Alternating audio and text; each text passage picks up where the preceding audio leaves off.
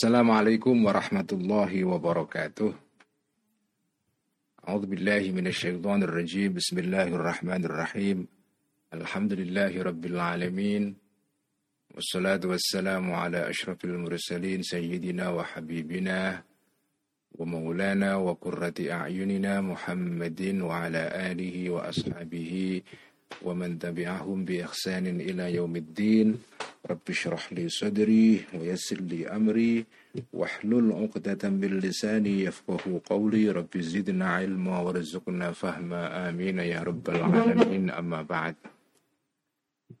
teman-teman semua mari kita ngaji ikhya seperti biasa setiap uh, malam Jumat dan seperti biasa juga kita mulai ngaji ini dengan hadiah Al-Fatihah pertama-tama kepada junjungan kita Nabi besar Muhammad sallallahu alaihi wasallam kepada istri-istri beliau, kepada keluarga beliau, kepada para sahabat tabi'in, tabi'ut tabi'in, kepada al-ulama, al-auliya, asyuhada, as-salihin, khususan ila ruhi sultanil awliya Syekh Abdul Qadir Al-Jilani wa ila ruhi Sayyid Taifah Al-Imam Al-Junaid Al-Baghdadi وإلى روحي الشيخ الأكبر محي الدين بن عربي وإلى روحي الإمام أبي الحسن الشاذلي وإلى روحي حجة الإسلام أبي حامد الغزالي.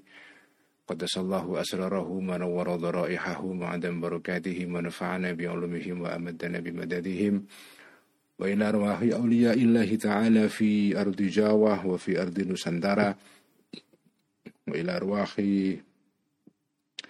وإلى روح جدنا ولله محمد متمكن إلى أرواح مؤسسي جمعية نهضة العلماء ونخص خصوصا روح بهاشم أشعري Kiai Khalil Bangkalan, Kiai Wahab Hasbullah, Kiai Bishi Sansuri, Kiai Wahid Gustur, Kiai Maksum, Kiai Ali Maksum, Kiai Asal Samsul Arifin, Kiai Abdullah Salam, Kiai Sal Mahfud, وإلى روح أبائنا وأمهاتنا وأجدادنا وجداتنا ومشايخنا ومشايخ مشايخنا khususan ila ruhi abi Ki Abdullah Rifai wa ruhi ummi Nyai Salamah wa ruhi ummi Nyai Fatmah Ghafarallahu dhunubahum wa satara ayubahum wa yu'ni darajatihim syai'un lillahi lahumul fatihah A'udhu billahi minasyaitanir rajim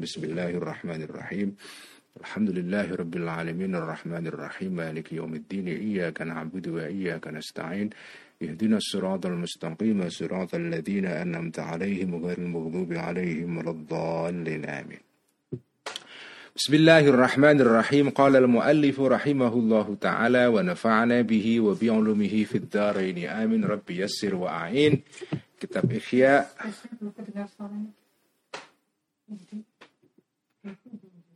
Oh ya. Uh, semoga sudah terdengar uh, space-nya ya. Tadi sudah saya hidupkan kok tiba-tiba mati sendiri.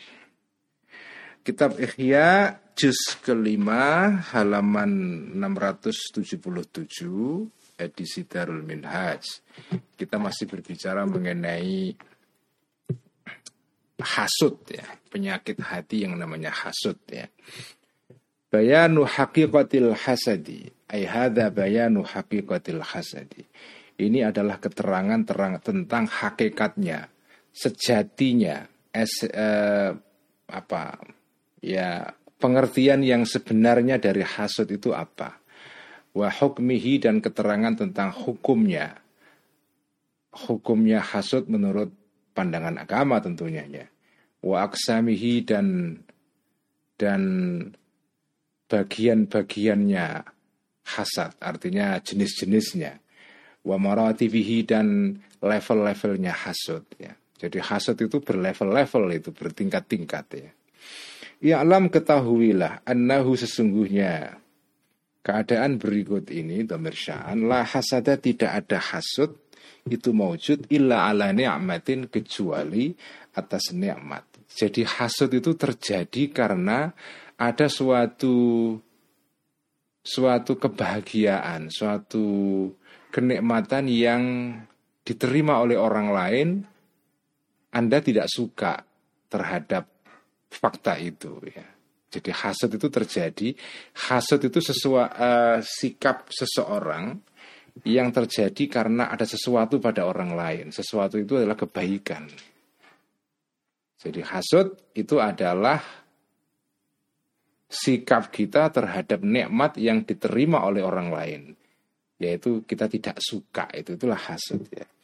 Faida an'ama, maka ketika memberikan nikmat Allahu Allah ala akhika terhadap saudara kamu, binikmatin dengan suatu kenikmatan, falaka maka bagimu fiha di dalam nikmat ini halatani itu ada uh, halatani mutada muakhar ya halatani uh, utawi atau ada dua keadaan jadi ketika seseorang itu mendapatkan nikmat ada dua kemungkinan sikap yang bisa sampean punyai itu ya ikhdahuma Salah satu dari halatani ini antakroha. Tidak suka engkau tilkan ni'mata nikmat itu.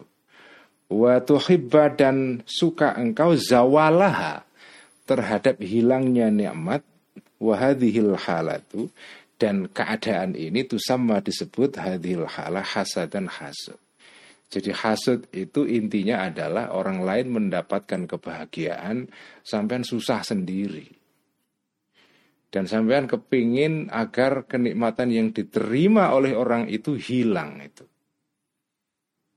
Jadi hasad itu ada dua unsur ya. Pertama, ada sesuatu kebaikan yang diterima orang lain, ya, dan sampean tidak suka. Yang kedua, sampean kepingin nikmat yang diterima orang lain itu segera hilang, segera berhenti itu. Begitu berhenti, sampean senang sekali. Nah, itu namanya hasad.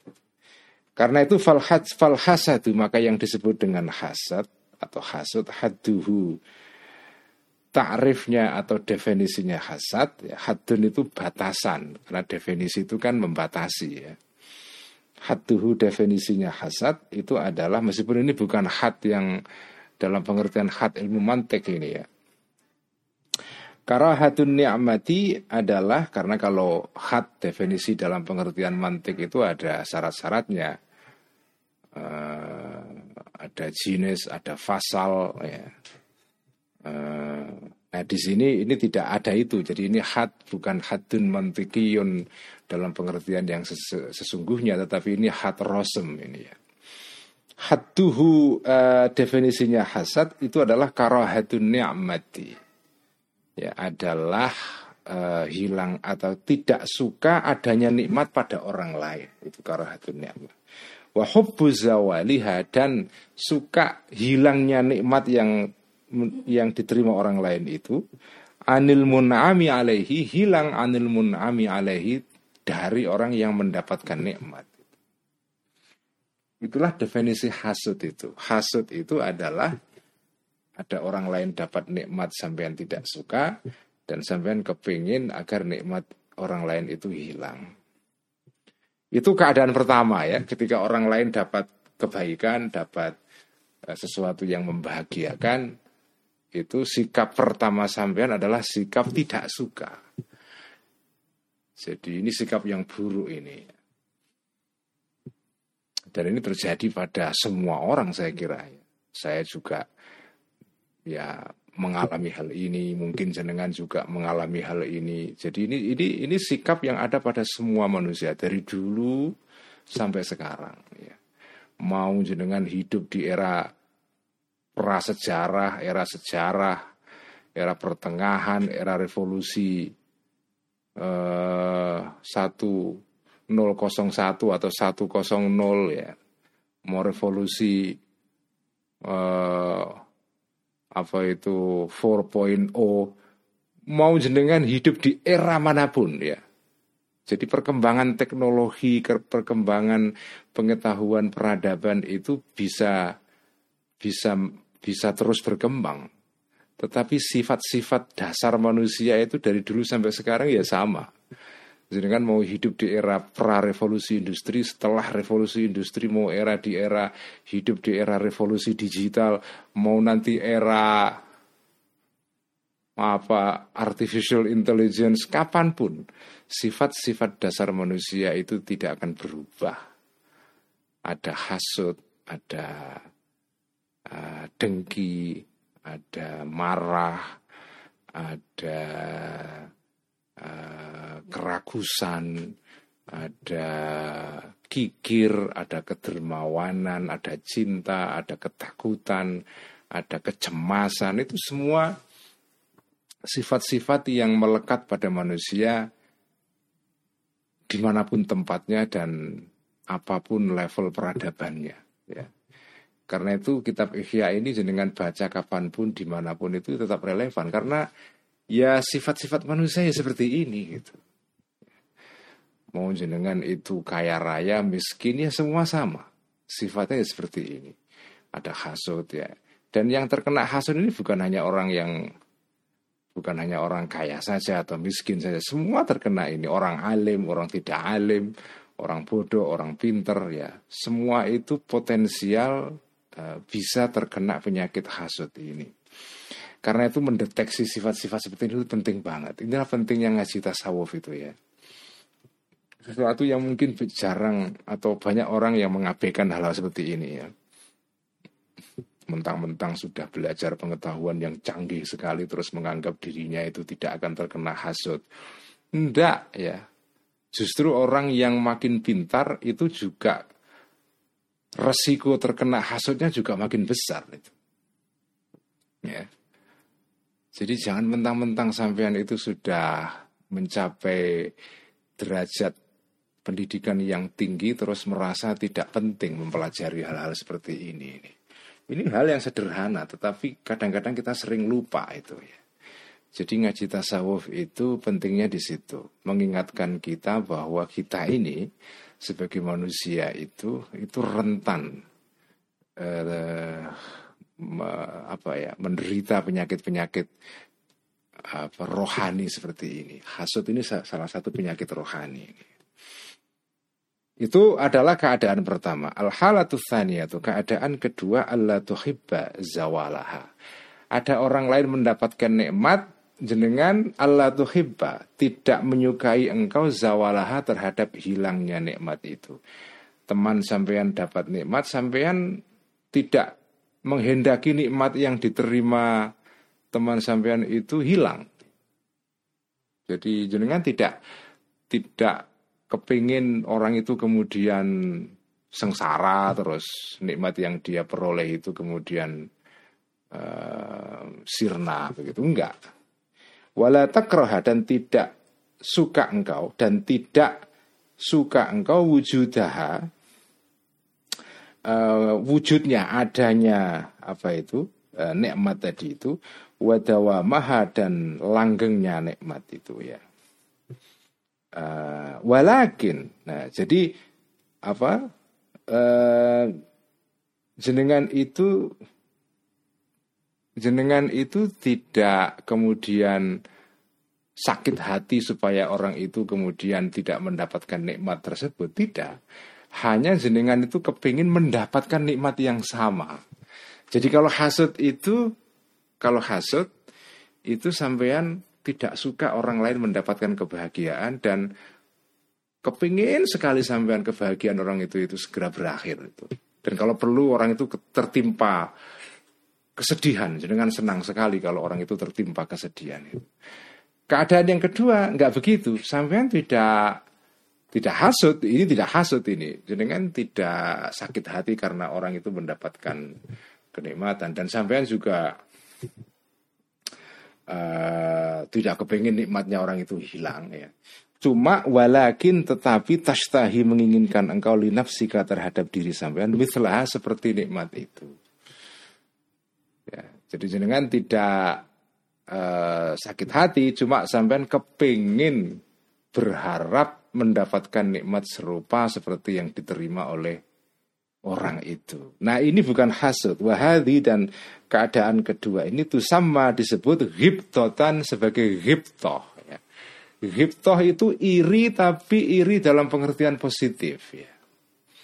Orang lain dapat penghargaan apa dapat prestasi, dapat penghargaan karena punya prestasi gitu.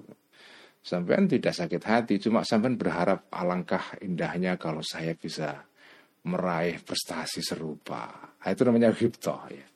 Jadi hiptoh itu apa bahasa Indonesia-nya ya? Um, Mary, kalau bahasa Jawa itu Mary itu ya. Mary itu apa bahasa Indonesia-nya Mbak Admin ya? Pengen ya. Mary itu pengen ya. Mary itu ya. Tapi Mary yang positif ini ya. Ngiri, ngiri tapi ngirinya positif ya. Jadi ngiri Mary itu hiptoh itu ya.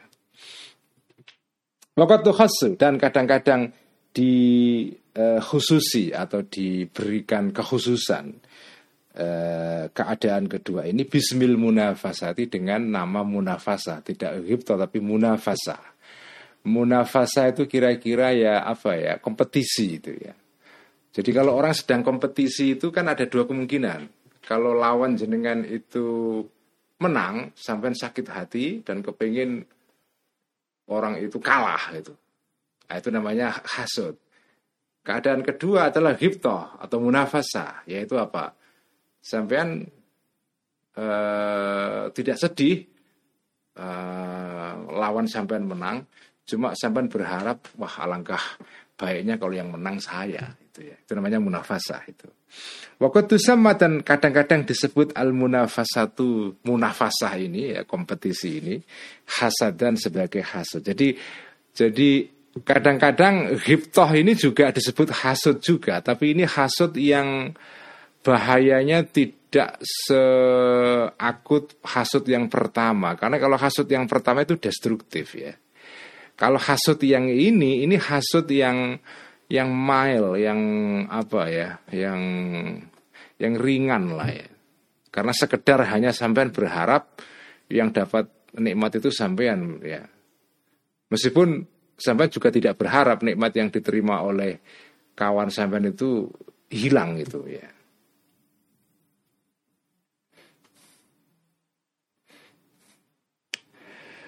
Wal hasadu dan kadang-kadang disebut hasad itu munafasatan sebagai munafasah juga ya. Wa dan diletakkan ahadul lafzaini salah satu dari dua lafal ini maudhi al akhori di tempatnya lafal yang lain. Jadi istilah munafasah hasad ini uh, bisa dipertukarkan ya, Inter, interchangeable ya. Bisa dipertukarkan. Kadang-kadang munafasah itu disebut hasad, hasad disebut munafasah. Kadang-kadang hiptoh disebut hasud, hasud juga disebut hiptoh ya. Jadi ini dua dua istilah yang maknanya saling eh, dipertuk apa dua lafal yang sering dipertukarkan. Jadi dipakai eh, selang-seling. Ya. Dan karena maknanya juga mirip-mirip, jadi jenengan mau pakai munafasa, mau pakai hasud itu terserah saja. Yang penting jenengan mengerti intinya. Wala hajra fil asami ba'da fahmil ma'ani. Ini kaidah penting ini ya. Wala hajra. Dan tidak ada larangan. Ya, itu mewujud fil asami. Tidak ada pembatasan itu mewujud fil, fil asami di dalam nama-nama. Ba'da fahmil ma'ani setelah sampean memahami makna-maknanya. Jadi kalau sampean sudah mengerti maknanya itu jenengan mau pakai istilah apa saja monggo.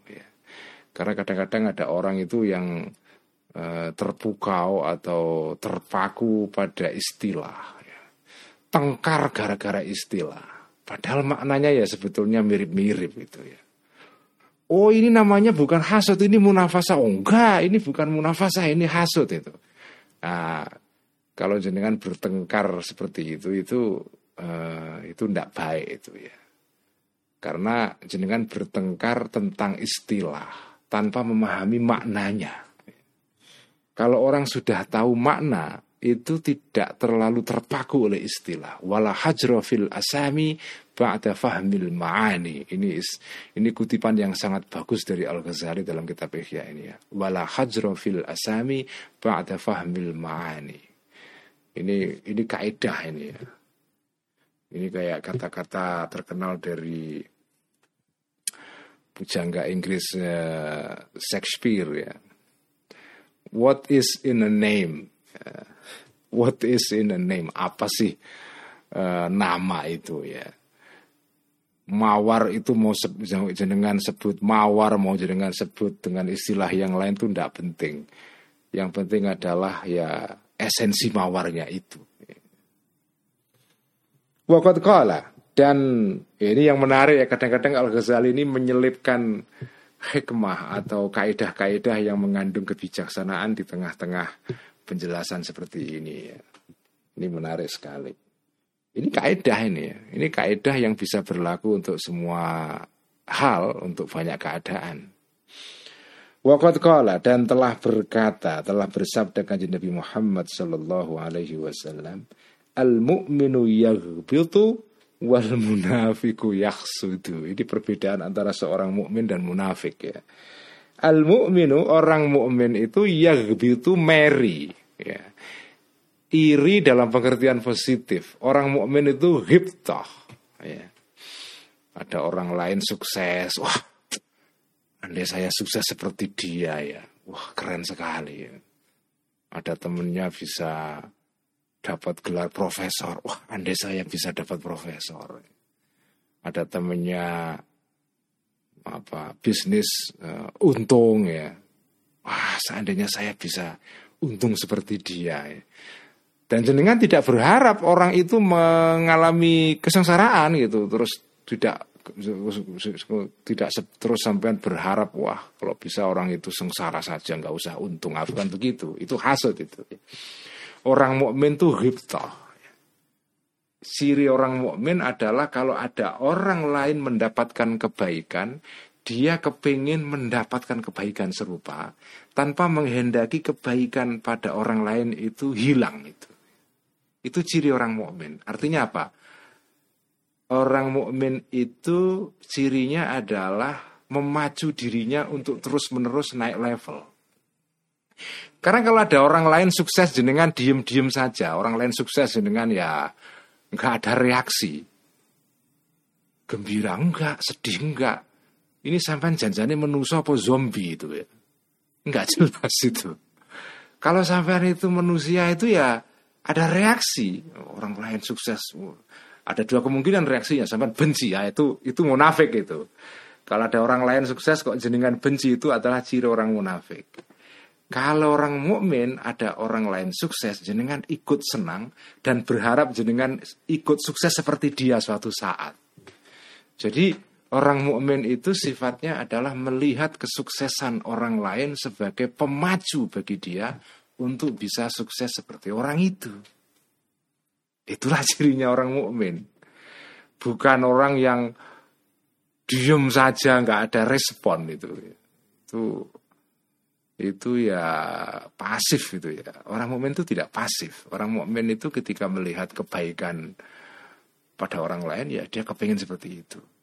Dan bangsa-bangsa yang isinya orang mukmin ya sudah seharusnya ketika melihat bangsa-bangsa lain sukses itu ya kepingin mengejar ketertinggalan itu loh ya. Jadi al mukminu yaghbit. Ketika melihat bangsa Korea, bangsa Cina sukses ya. Itu ya kita harus berjuang supaya sukses seperti mereka. Kita senang bangsa-bangsa Asia lain itu sukses, kita ikut senang. Tetapi kita juga kepingin seperti mereka itu. Itulah itulah sifat atau sikap orang beriman. Wal munafiku dan orang munafik yahsudu itu hasud. Hasud. Ini hadis sederhana tapi maknanya mendalam sekali. Fa'amal awalu, maka adapun keadaan yang pertama, fahuwa maka yang awal ini yaitu sampean hasud tadi itu ya. Itu haramun itu adalah sesuatu yang haram. Haram, hasud itu haram. Bikulli halin dalam segala keadaan. Hasud itu tidak boleh. Mau hasud terhadap orang yang beriman, tidak beriman, sesama muslim atau non muslim itu semua sama. Ya. Jadi bukan berarti kalau hasud terhadap orang non muslim itu dibolehkan. Enggak. Hasud terhadap siapa pun tidak dibolehkan. Haram. Bikulli halin illa ni'matan kecuali kenikmatan asoba yang mendapatkan hak terhadap nikmat fajirun orang yang yang zolim ya au kafirun atau orang yang kafir ya. tapi di sini bukan berarti kafir dalam pengertian umum ya tapi kafir yang memusuhi orang Islam karena kalau orang kafir yang yang damai artinya kafir di sini orang non yang yang tidak beragama Islam ya. ya ini istilah yang kita pakai untuk menyebut orang yang tidak mengimani apa namanya risalah atau ajaran kanji Nabi ya itu disebut kafir gitu. Tapi orang kafir yang hidup bersama orang Islam secara damai, koeksis, koeksistensi damai dengan kita gitu ya. Ya tidak boleh juga kita hasuti. Di sini kafir itu kafir yang mak maknanya adalah kafir yang memusuhi orang Islam itu. Karena kalau orang kafir yang berdamai dengan orang Islam baik-baik bersama kita, ya, sesama warga negara Indonesia misalnya, ya nggak boleh kita hasuti gitu ya. Uh, wahua dan oh, sementara orang fajir atau kafir tadi itu yasta'inu itu menggunakan meminta tolong artinya menggunakan biha dengan nikmat tadi itu ala tahyijil fitnati untuk mengobarkan fitnah. Jadi di sini nikmat yang diperoleh oleh orang zalim ya. Ada orang zalim mendapatkan nikmat, mendapatkan kekayaan dan menggunakan kekayaan itu untuk menimbulkan instabilitas sosial menimbulkan kekacauan dalam masyarakat itu ya. Nah, nikmat yang seperti ini boleh dihasuti. Ini perkecualian. Ya. Dalam pengertian dihasuti itu sampean tidak suka orang ini mendapatkan nikmat seperti itu. Nikmat yang dipakai untuk menimbulkan kekacauan dan sampean berharap nikmat seperti itu hilang. Jadi di sini hasut yang tidak haram karena jenengan hasut bukan hasut karena orang itu mendapatkan nikmat tetapi orang itu mendapatkan nikmat dan menggunakan nikmat itu untuk menimbulkan mafsadah atau kerusakan dalam masyarakat itu. Jadi orang zalim atau orang kafir mendapatkan nikmat, nikmat itu dipakai untuk tahyijul fitnah, mengobarkan fitnah, wa ifsadi dzatil baini dan merusak apa itu eh, orang-orang yang mempunyai hubungan kekerabatan atau hubungan apa silaturahmi atau perkawanan persaudaraan itu islahul dzatil baini wa idza'il khalqi dan untuk menyakiti orang-orang Nah, kalau nikmat yang seperti ini fala yadurruka maka tidak bahaya terhadap dirimu karohatuka bencinya kamu laha terhadap nikmat seperti ini. Dihasuti boleh. Wa mahabbatuka dan sukanya engkau lizawaliha terhadap hilangnya nikmat itu. Fa innaka. Kenapa kok hasut yang seperti ini dibolehkan? Tidak haram itu. Kenapa alasannya? Fa innaka. Karena sesungguhnya engkau jadi fa-nya ini fa li ta'lil, fa innaka karena itu maksudnya li ta'lil itu karena sesungguhnya engkau la tuhibbu tidak suka engkau zawalaha terhadap hilangnya nikmat itu min haitsu innaha nikmatun dari segi sesungguhnya nikmat tadi itu nikmatun nikmat. Jadi sampean menghendaki nikmat yang diterima orang zalim itu hilang bukan karena semata-mata dia dapat nikmatnya, bukan karena nikmat itu sendiri yang jenengan hasuti, tetapi jenengan hasut itu karena bal min haitsu innaha sebaliknya dari segi sesungguhnya nikmat itu tadi alatul fasadi alat untuk menimbulkan kerusakan karena nikmat yang diterima orang itu dipakai untuk menimbulkan kekacauan dalam masyarakat. Nah, hasut di sini boleh itu. Walau aminta fasadahu, walau aminta dan seandainya aman engkau fasadahu terhadap uh, apa namanya terhadap kerusakannya orang tadi itu orang kafir atau fajir lam yahum maka maka tidak bisa dibaca yahum maka atau yuhim maka tapi lebih baik dibaca lam yahumma ghamma yahummu itu artinya adalah membuat sedih ya lam yahumma tidak membuat sedihkah terhadap dirimu tana'umuhu dapat nikmatnya orang kafir atau fajir tadi itu. Jadi seandainya orang itu mendapatkan nikmat dan tidak dipakai menimbulkan untuk menimbulkan kerusakan, sampai tidak akan hasut itu ya. Jadi dengan hasut karena orang itu memakai nikmat yang dia peroleh untuk menimbulkan kerusakan. Jadi ini di sini perkecualian, boleh menghasuti nikmat yang diterima orang lain dalam keadaan seperti ini. Wayadullu dan menunjukkan ala tahrimil hasadi terhadap mengharamkannya atau ke Eh, diharamkannya hasud. Ya. Apa dalilnya hasud itu haram? Al-ahbaru, apa yang menunjukkan keharaman hasud? Al-ahbaru, khobar-khobar, artinya hadis-hadis, alladzina qalna yang telah meriwayatkan aku Al-Ghazali terhadap akhbar di dalam bagian sebelumnya sudah diterangkan sebelumnya dikutipkan banyak hadis tentang keharamannya hasud. Wa anna hadhil karahata dan ini atafnya terhadap al-akhbar ya. Jadi termasuk yang menjadi dalil terhadap has, haramnya hasud itu adalah wa anna hadhil karahata. Dan sesungguhnya ketidaksukaan terhadap nikmat yang diterima orang lain ini ya, karohah ini ya. Jadi ketika jenengan benci orang lain mendapatkan nikmat itu itu sebetulnya tindakan sampeyan tidak suka orang lain mendapatkan nikmat itu adalah tasahutun. Itu adalah itu adalah uh, apa ya ketidaksukaan atau lebih ini makna tasahut ini lebih lebih dalam daripada sekedar ketidaksukaannya. Tasahutun itu sikap keberatan gitu ya. Atau protes. Nah ya tasahutun itu protes. Komplain. Objection. Itu tasahutun itu ya. Jadi jenengan ketika menghasuti nikmat yang diterima orang lain itu sebetulnya artinya jenengan itu me, apa mengungkapkan keberat, keberatan terhadap kodok kodarnya Allah Subhanahu wa taala. Tasahutun itu sebentuk keberatan objection li illahi ta'ala terhadap kodoknya keputusan Allah ta'ala. Allah memutuskan untuk memberikan orang itu nikmat. Sampai tidak suka. Itu sepertinya sejatinya sampai itu berarti tidak suka dengan kodoknya Allah. Berarti orang hasut itu pada dasarnya protes terhadap Tuhan. Gitu. Kenapa kok nikmat itu diberikan kepada dia? Kenapa nggak kepada saya?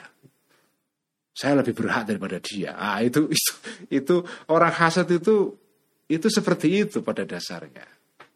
Jadi tindakan hasad itu tindak tindakan tasahud li illahi taala. Jadi ya bahaya karena kalau sampean tidak terima terhadap kodok kodarnya Allah itu sampean sudah kehilangan salah satu pilarnya iman karena iman itu kan salah satu pilar atau soko gurunya iman itu yang jadi kan iman terhadap kodok kodarnya Allah itu. Nah, kalau sampean protes terhadap kodok kodarnya Allah itu berarti iman sampean berkurang. Jadi hasut itu bisa mengurangi iman kita itu. Jadi tasahutun itu adalah protes ilahi ta'ala terhadap kodoknya atau keputusan Allah ta'ala. Keputusan fi tafzili ba'di ibadihi di dalam mengunggulkannya Allah terhadap sebagian hamba-hambanya Allah ala ba'din terhadap sebagian yang lain. Dan wadhalika dan tasahut seperti ini la. Tidak ada uzur itu mewujud fihi di dalam tasahud ini wala rukhsata dan tidak ada keringanan. Tidak ada diskon uh, atau kortingan itu mewujud. Karena karena ini menyalahi prinsip iman itu. Iman itu ya salah satunya iman terhadap kodok kodarnya Allah itu. Jenengan hasud itu berarti melawan kodok kodarnya Allah. Tasahud di kodok illah. Wa ayyu ma'sinatin dan maksiat yang manakah? Wa ayyu ma'siyatin? Dan maksiat yang manakah? Tazidu eh, apa itu? Eh, yang melebihi maksiat ini ala karahatika. Melebihi terhadap ketidaksukaan kamu lirahati muslimin terhadap uh, apa itu benci terhadap lirahati muslimin terhadap keadaan enaknya seorang muslim. Orang muslim dapat dapat nikmat itu kan enak itu roha itu ya. Min ghairi an yakuna tanpa ada laka bagi kamu fihi di dalam apa itu di dalam uh, fihi di dalam muslim ini ya atau di dalam apa itu di dalam al madhkur min ar-rahah tadi itu madaratun kesusahan atau madarat itu. Jadi ketika jenengan hasut terhadap orang muslim atau terhadap manusia yang lain ya, itu itu sebentuk protes terhadap kodok kodarnya Allah dan maksiat yang mana yang melebihi itu itu ya maksiat apa dosa apa yang melebihi itu ya melebihi protes terhadap kodok kodarnya Allah ya dosa apa yang melebihi tidak sukanya sampean terhadap nikmat yang diberikan oleh orang diberikan Allah kepada seorang muslim yang lain atau kepada kawan sampean ya. Uh, sementara nikmat yang diterima orang lain itu tidak menimbulkan madarat apa-apa kepada sampean.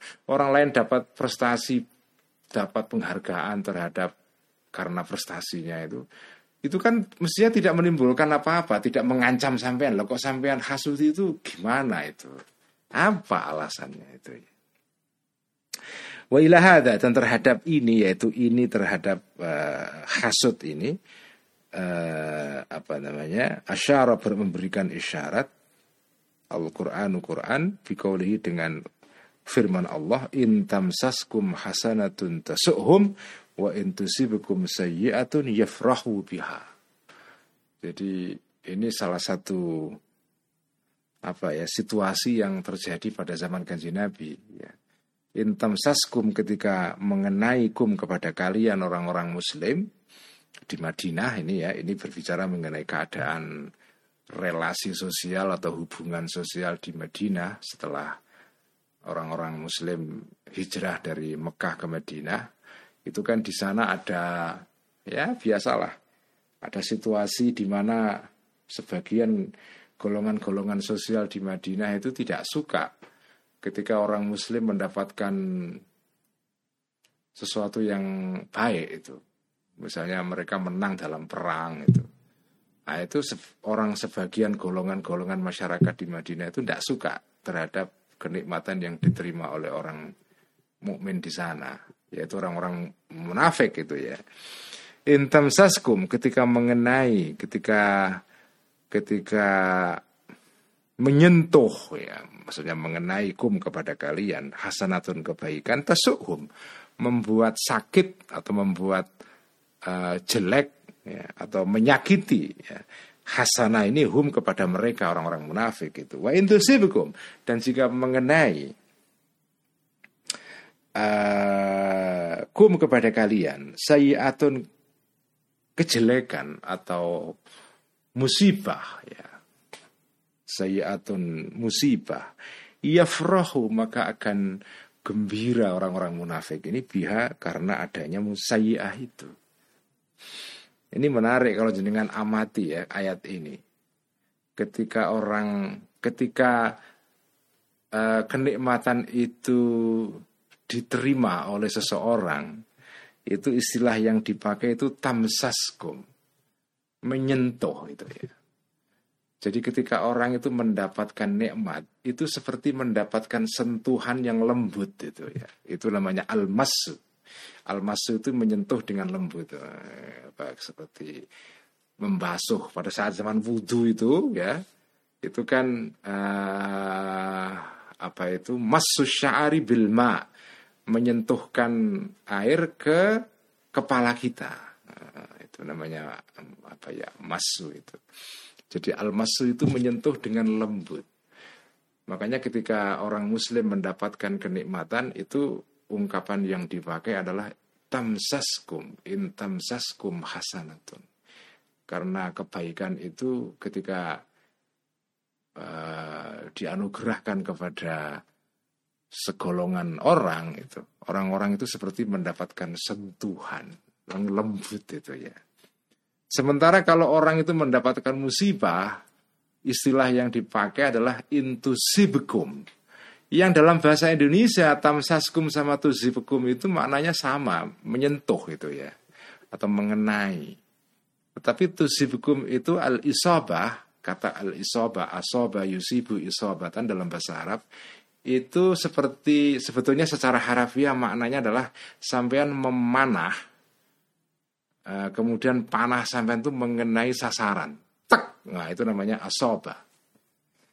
Nah, orang yang mendapatkan musibah, sayyi'ah, sesuatu yang musibah itu, itu seperti orang dipanah kena sasaran, sakit sekali itu ya. Makanya redaksinya intusibkum sayyi'atun. Kalau mendapatkan musibah itu redaksinya tusibkum. Terkena terkena apa namanya anak panah. Ya, sakit sekali itu. Ya. Tetapi kalau dapat nikmat itu tamsaskum, mendapatkan sentuhan yang lembut ya. Ini kalau yang belajar ilmu balaghah pasti bisa membedakan ini antara tamsaskum uh, tusibukum ya. Ini namanya badiah ya. Wahadal farahu. Jadi itulah sifat orang-orang fasik itu atau orang munafik. Kalau orang Islam dapat kenikmatan sedih. Kalau dapat kesengsaraan dan musibah gembira. Wahadal farahu dan kegembiraan seperti ini, kegembiraan karena orang lain dapat musibah, itu disebut syamatatun sebagai syamata. Jadi syamata itu adalah dalam bahasa Inggris itu ada istilahnya itu Schadenfreude, ya. Schadenfreude. Schadenfreude itu artinya itu sebenarnya bahasa Jerman itu ya. Uh, sampean gembira karena orang lain dapat musibah itu namanya syamata syamata. Ya, dalam bahasa Jawa atau bahasa Indonesia nggak ada satu istilah yang mengungkapkan istilah ini. Untuk menerjemahkan ini ya butuh beberapa kata itu ya. Syamata itu kegembiraan karena orang lain mendapatkan musibah. Panjang banget itu ya. Wal hasadu dan hasud wasyamatatu dan syamatah ya zamani itu saling berkaitan. Orang kalau hasud ya syamata, orang syamata karena hasud itu ya. Kalau jenengan tidak hasut tidak akan syamata, ya, tidak akan gembira karena musibah yang menimpa orang lain. Itu. Dan berfirman juga Allah Ta'ala Wadda kathirun min ahlil kitab Law yaruddunakum min ba'di imanikum kufaran hasada Wadda suka, menginginkan Kathirun banyak min ahlil kitab dari orang-orang ahlul kitab Yaitu orang-orang Yahudi dan Kristen Terutama ini orang-orang Yahudi ini ya. Karena ini berbicara mengenai apa itu eh, keadaan di Madinah. Ya. Jadi di Madinah itu ada apa kelompok sosial yang cukup signifikan dari kalangan orang-orang Yahudi. Eh, mereka ini orang-orang Yahudi yang lari dari persekusi atau kezaliman kekuasaan Romawi di daerah Palestina di Arab bagian utara. Ya. Mereka lari ke selatan, terdampar sebagian di Madinah, di kota Yathrib, di sebuah daerah namanya Khaybar. Ya. Nah itu mereka tinggal di sana. Sebagian yang lain pelari sampai ke ujung Jazirah Arab yang paling selatan di Yaman, ya sampai di Yaman. Karena itu banyak orang-orang Yahudi dari Yaman itu. Uh, wadda suka atau senang kathirun banyak min ahlil kitab dari orang-orang ahlul kitab orang Yahudi. Senang apa? Lau yaruddunakum andai bisa mengembalikan ahlul kitab ini kum kepada kalian wahai orang-orang mukmin membati imanikum setelah imannya kalian kufaron sebagai orang-orang yang kafir. Kembali menjadi kafir kembali. Mereka senang berharap bisa mengembalikan kalian semua itu menjadi kafir kembali. Nah sikap mereka ini hasadan karena hasud ya. Nah, ini sikap orang-orang Yahudi ini hasud terhadap orang-orang mukmin di Madinah yang eh, pelan-pelan uh, mereka ini menggeser apa ya posisi orang Yahudi sebagai kelompok sosial yang punya pengaruh ya. Biasalah. Ada pendatang baru kemudian pelan-pelan mendapatkan peran yang lebih besar daripada penduduk setempat itu. Itu kan apa yang terjadi? Penduduk setempat biasanya punya sikap apa hasut ya dengki itu Fa'ahbar maka memberi tahu Allah Ta'ala anna hubbahum sesungguhnya senangnya ahlul kitab zawala ni'matil imani terhadap hilangnya nikmat iman yang diterima orang-orang mukmin. Itu disebut sebagai uh, hasadun. Itulah itulah sebentuk sifat hasud ya itu. Itulah hasud itu. Jadi hasud ini kan menegaskan terhadap definisi hasud yang sudah ditulis oleh Al-Ghazali sebelumnya ya jadi ini bukti bahwa hasud itu adalah sejatinya itu hubbu zawalun ni'mah ya. atau karahatun ni'mati ya wa hubbu zawaliha. Jadi jenengan tidak suka nikmat diberikan kepada orang lain sekaligus bersamaan berharap nikmat itu hilang gitu. Itulah sejatinya sejatinya hasud. Dalilnya apa ya ini ayat ini. Jadi orang Yahudi itu berharap orang Islam itu setelah beriman kembali tidak beriman lagi. Supaya mereka ini uh, apa ya tidak menjadi pesaing gitu ya. Tidak menjadi kompetitor itu Waqala dan berfirman Allah Azza wa Jalla Waddu lau takfuruna kama kafaru fatakununa sawa'a Waddu ingin atau menghendaki mereka orang-orang kafir. Lau takfuruna seandainya kafir kalian kama kafaru sebagaimana kafir orang-orang kafir itu. Fatakununa maka ada kalian sawaan itu sama dengan mereka.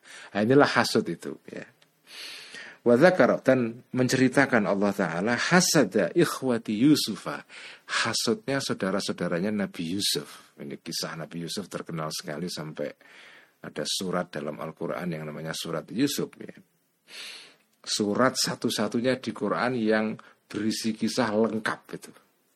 Karena kisah dalam Al-Quran itu biasanya uh, apa ya tidak terkonsentrasi dalam satu cerita tapi diceritakan dalam berbagai ayat uh, dalam berbagai surat jadi terserak-serak hanya kisah Nabi Yusuf yang apa ya relatif uh, utuh itu dari awal sampai akhir itu seperti sebuah kisah yang utuh ya.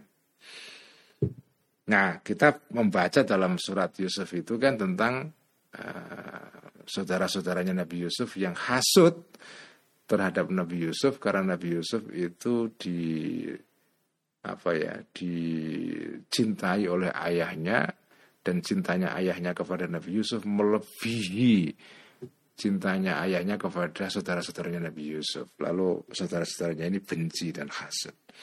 Wa dan mengungkapkan Allah amma terhadap sesuatu yaitu hasud ya fi qulubihim yang ada di dalam hatinya ikhwatu Yusuf biqaulihi dengan firman-Nya Allah id qalu la Yusuf wa akhuhu ahabbu ila abina minna wa nahnu usbatun Inna abana lafi dhalalin mubinin.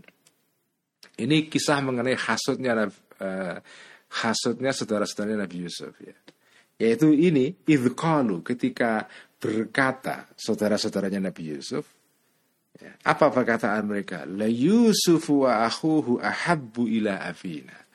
La Yusufu demi Yusuf wa akhuhu dan saudaranya Yusuf yaitu adiknya Nabi Yusuf yaitu Bunyamin namanya. Karena kan putra putranya Nabi apa Yakub itu kan ada 12 ya. nah di antara 12 ini yang paling disukai paling dikasihi ayahnya itu dua Nabi Yusuf dan dan Bunyamin adiknya. Yang lain-lain nggak terlalu disukai itu ya Makanya mereka jengkel banget itu ya.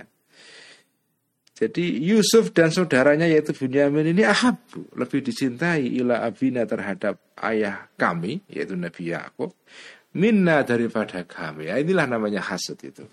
Sementara wanahnu kami ini, ini jumlah haliyah. Wanahnu sementara kami ini usbatun adalah lebih besar, lebih mayoritas itu. Kami sepuluh, dia cuma dua, masa yang dicintai yang yang hanya dua, kami diabaikan. Padahal kami ini mayoritas itu. Jadi ini protes dari pihak mayoritas kepada minoritas ini. Inna abana, sesungguhnya bapak kami yaitu yu, yu, apa Nabi Yakub itu la fi mubinin sungguh berada di dalam kesesatan mubinin yang terang-terangan tidak masuk akal ayah kami ini kami yang mayoritas kok malah dikalahkan yang minoritas kok malah dimenangkan. Nah, kira-kira gitu ya. Karena itu uktulu bunuhlah kalian Yusufa Yusuf. Atau kalau sampean nggak tega membunuh Yusuf karena ini adik kita, ya, awutrahu atau lemparkanlah kalian hu kepada Yusuf ardon di ke sebuah tanah atau usirlah Yusuf ardon ke sebuah eh, tanah ke sebuah daerah ya, yang jauh dari ayah kalian. Nanti kalau sudah sampean singkirkan Yusuf tidak lagi bersama kita di rumah ini, yahlu lakum wajhu abikum. Yahlu akan murni lakum bagi kalian wajhu abikum wajahnya ayah kalian. Nanti bapak kita ini nanti yang dilihat hanya kita saja. Karena sudah nggak ada Yusuf. Ya. Nanti kita akan dapat perhatian itu. Ya. Falamma karihu maka ketika tidak suka maka ketika benci saudara-saudaranya Nabi Yusuf ini hubba abihim terhadap cintanya bapaknya mereka mereka saudara-saudaranya Nabi Yusuf lahu kepada Yusuf sa'a maka membuat sakit hum kepada mereka ini zalika cintanya bapaknya Nabi Yusuf kepada Yusuf itu. Wahabu dan dan menginginkan mereka ini zawalahu terhadap hilangnya hubbu abihim ya uh, cintanya bapaknya mereka kepada Yusuf ini anhu dari uh, dari Yusuf itu ya faghayyabuhu ya. maka berniat untuk menggaibkan menghilangkan uh, apa namanya yaitu membuat hilang faghayyabu maka maka membuat hilang mereka ini hu kepada Nabi Yusuf anhu dari bapaknya Nabi Yusuf. Di, di dibuang itu ya. Dibuang. Waqala dan berfirman Allah Ta'ala wala yajiduna fi sudurihim hajatan mimma utu. Ya. Ini adalah uh, apa ya uh, ayat yang bercerita tentang sikap positifnya orang-orang apa ya eh, sahabat-sahabat kanjeng Nabi yaitu ahlu sufah orang-orang yang tinggal di jadi masjid. Jadi pada zaman kanjeng Nabi itu ada namanya orang-orang ahlu sufah sufah itu ya apa ya uh, apa bagian depan rumah itu ya beranda. Uh, jadi ada sahabat-sahabat pada zaman kanjeng Nabi itu yang tidak punya rumah dan mereka tinggal di masjid, tinggal di beranda masjid. Ya. Dan mereka ini selalu menunggu apa yang diajarkan kanji Nabi. Jadi mereka ini ya bukan sekedar nggak punya rumah, tapi mereka memang kepingin saking cintanya kepada kanji Nabi itu mereka tinggal di masjid karena Nabi itu tinggalnya memang di samping masjid. Jadi saking cintanya mereka kepingin berada di samping kanji Nabi, mereka tinggal di masjid dan ya anulah ya santri santri ini ya santri boarding school kira-kira gitu ya. Nah inilah ahlu sufa. Nah orang-orang ini orang-orang yang dipuji oleh Al-Quran. Salah satu pujiannya ini walayajiduna dan tidak menjumpai mereka ini fi sudurihim di dalam dadanya mereka ini hajatan kebutuhan ya.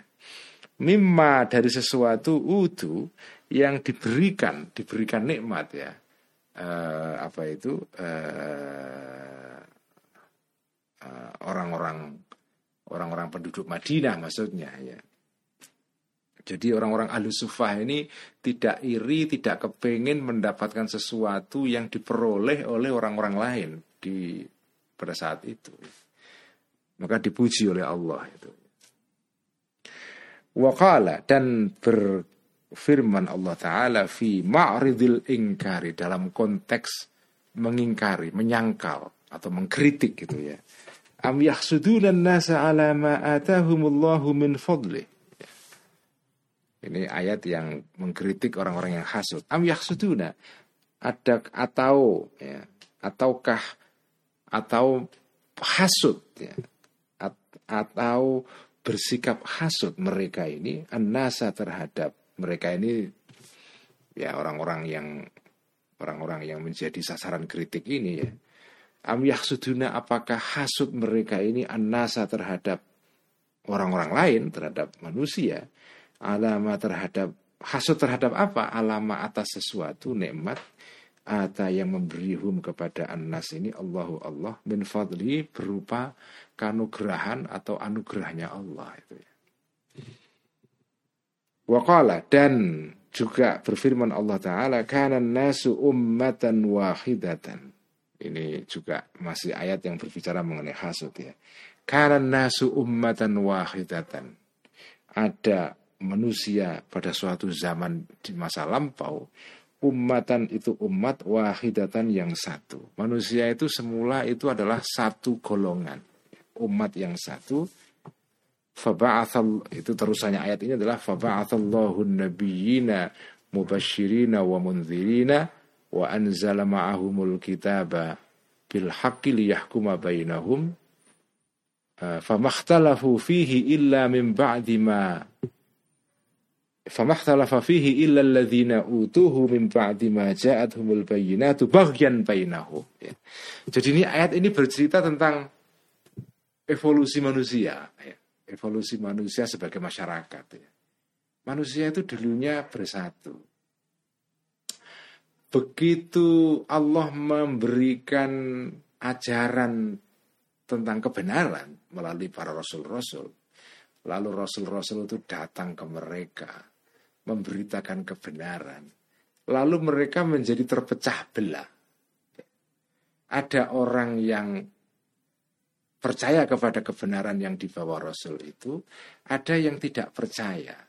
Cuma tidak percayanya itu bukan karena mereka tidak percaya. Mereka tahu ini kebenaran, tetapi karena hasut mereka tidak percaya. Akhirnya terbelah itu. Jadi manusia itu semula satu, begitu ada ada orang yang membawa kebenaran itu langsung mereka mengalami polarisasi itu. Dan begitulah manusia. Ini terjadi di mana-mana ini. Semula orang itu satu ya. Lalu ada ada pembawa kebenaran datang ke masyarakat atau komunitas itu, lalu terjadi perbedaan pendapat. Pro kontra, begitu pro kontra ya udah orang jadi bergolong-golongan itu. Ya begitulah manusia. Ya evolusi manusia begitu. Masyarakat Arab itu sebelum kedatangan kanjeng Nabi juga sama. Ya meskipun tidak utuh tunggal ya, tetapi sebelum kedatangan kanjeng Nabi itu kan umat bangsa Arab itu kan uh, ya bersatu di dalam apa tradisi mereka. Begitu Nabi datang membawa kebenaran, pro kontra terjadi. Nah yang kontra itu sebetulnya kontra karena hasud itu. Nah, karena itu dikatakan illalladzina utuhu min ba'di ma ja'atuhumul bayyinatu baghyan bainahum ya. Jadi di ayat ini dikatakan sebelum ayat ini bunyinya adalah famakhtalafa fihi illalladzina utuhu. Jadi famakhtalafa fihi maka tidak um, famakhtalafa maka tidak tidak menyangkal kira-kira gitu ya artinya berbeda maksudnya menyangkal fihi di dalam kebenaran itu illalladzina kecuali orang-orang utuhu yang diberikan orang-orang ini hu kepada kebenaran ya. Uh, atau diberikan kitab kitab yang isinya kebenaran kitab suci ya. Hu di sini kembalinya kepada uh, kitab ya. Karena kana nasu ummatan wahidatan faba'athallahu nabiyina mubashirina wa munzirina wa anzala ma'ahumul kitaba. Nah, itu ayat sebelumnya bunyinya begitu. Jadi hu di sini domir hu kembalinya kepada kitab. Mim ba'di maja'at Jadi yang menyangkal kebenaran Rasul ini tidak ada kecuali orang-orang yang diberikan kitab suci tadi itu. Kemudian mereka menyangkal kebenaran dalam kitab suci itu mimba dimajaat setelah datang hum kepada alladzina tadi itu al itu kebenaran-kebenaran yang terang benderang. Nah, penyangkalan mereka bukan karena mereka tidak tahu itu kebenaran, bagian karena kezoliman bainahum di antara mereka atau kehasutan. Jadi bagian di sini maknanya gila di dikatakan fit tafsir di dalam tafsirnya dalam dalam tafsirnya kata bagian ini maknanya bagian itu ya hasad dan hasud sebetulnya.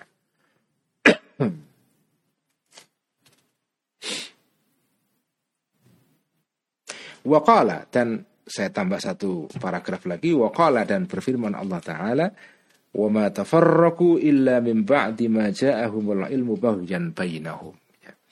wa ma tafarraqu ini ayat ini juga sama pengertiannya dengan ayat sebelumnya. Wa ma tafarraqu dan tidak terpecah belah ya, mereka manusia ini illa min ba'di ma ja'ahumul ilmu. Kecuali setelah datang kepada mereka al ilmu pengetahuan mengenai kebenaran bagian karena sifat hasud bainahum di antara mereka jadi pro kontra dalam masyarakat itu kadang-kadang terjadi bukan karena orang tidak tahu bahwa seseorang itu membawa kebenaran. Tapi karena mereka itu hasut sebetulnya. Hasut itu. Ada orang yang tidak mau mengakui kebenaran orang lain karena hasut.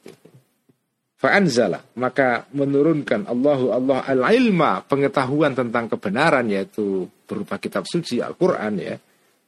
Liyajma'a supaya menyatukan Allahum kepada manusia ini. Wa yu'allifa dan dan me, mempersatukan ya. Atau membuat luluh ya. Artinya bersatu luluh hatinya bainahum di antara mereka ala taati terhadap taatnya taat kepada Allah Fa'amaro maka memerintahkan Allahum terhadap manusia ini an yata'allafu untuk bersatu bil ilmi karena adanya ilmu kebenaran. Jadi Allah itu menurunkan Rasul kitab suci itu supaya manusia bersatu. Tapi faktanya kan tidak. Ada orang-orang yang tidak mau menerima kebenaran yang diturunkan oleh Allah itu karena hasud, fatah hasadu maka saling hasud manusia-manusia ini waktalafu dan saling berbeda mereka mereka ini. Id arada karena menginginkan kullu wahidin ini ini tafsiran Al Ghazali ini di sini. Nah, di sini kita membaca ke apa ya originalitas Al Ghazali ketika menafsirkan ayat ini. Id arada karena menghendaki kullu wahidin setiap orang an yanfarida untuk memonopoli biri asati terhadap kepemimpinan, leadership ya. Wa qabulil dan diterimanya pendapat dia. Jadi ada orang itu yang tidak mau menerima kebenaran bukan karena dia tidak tahu bahwa itu kebenaran, tapi karena dia khawatir kehilangan kepemimpinan, kehilangan pengaruh sosial. Jadi pengaruh dia kepingin memonopoli kepemimpinan dalam masyarakat itu. Ketika datang Rasul membawa kebenaran, orang-orang kemudian berpaling dari dia mengikuti Rasul. Dia kehilangan pengaruh sosial. Itulah yang sering terjadi di mana-mana orang itu sering kali menolak kebenaran yang dibawa orang lain, menolak gagasan yang diterima oleh orang lain, bukan karena dia tidak tahu itu kebenaran, tapi karena dia takut kalau dia percaya kepada kebenaran itu dia kehilangan pengaruh sosial politik. Gitu. Faradda maka saling me, apa, menolak ba'dum sebagian dari mereka ala ba'din terhadap sebagian yang lain. Mereka saling berdebat satu dengan yang lain karena mereka khawatir kehilangan pengaruh sosial. Sekian ngaji ikhya malam ini. Uh, kuliah ikhya tematik hari Ahad pagi depan pray ya. Karena saya akan insya Allah akan pergi ke Gorontalo jadi uh, pray dulu. Sudah beberapa minggu pray ini karena memang setiap akhir minggu saya ini selalu berkeliling. Uh, saya akan berusaha untuk tetap ngaji tapi kemungkinan pray ya kemungkinan pray ya, libur dulu. Sekian ngaji malam ini dan mari kita tutup dengan sholawat bil qulub. اللهم صل على سيدنا محمد طب القلوب ودوائها وعافية الأبدان وشفائها ونور الأبدان الأبصار وضيائها وعلى آله وصحبه وسلم. اللهم صلِّ على سيدنا محمد طب القلوب. ودوائها وعافية الأبدان وشفائها ونور الأبصار وضيائها وعلى آله وصحبه وسلم. اللهم صل على سيدنا محمد طب القلوب ودوائها وعافية الأبدان وشفائها ونور الأبصار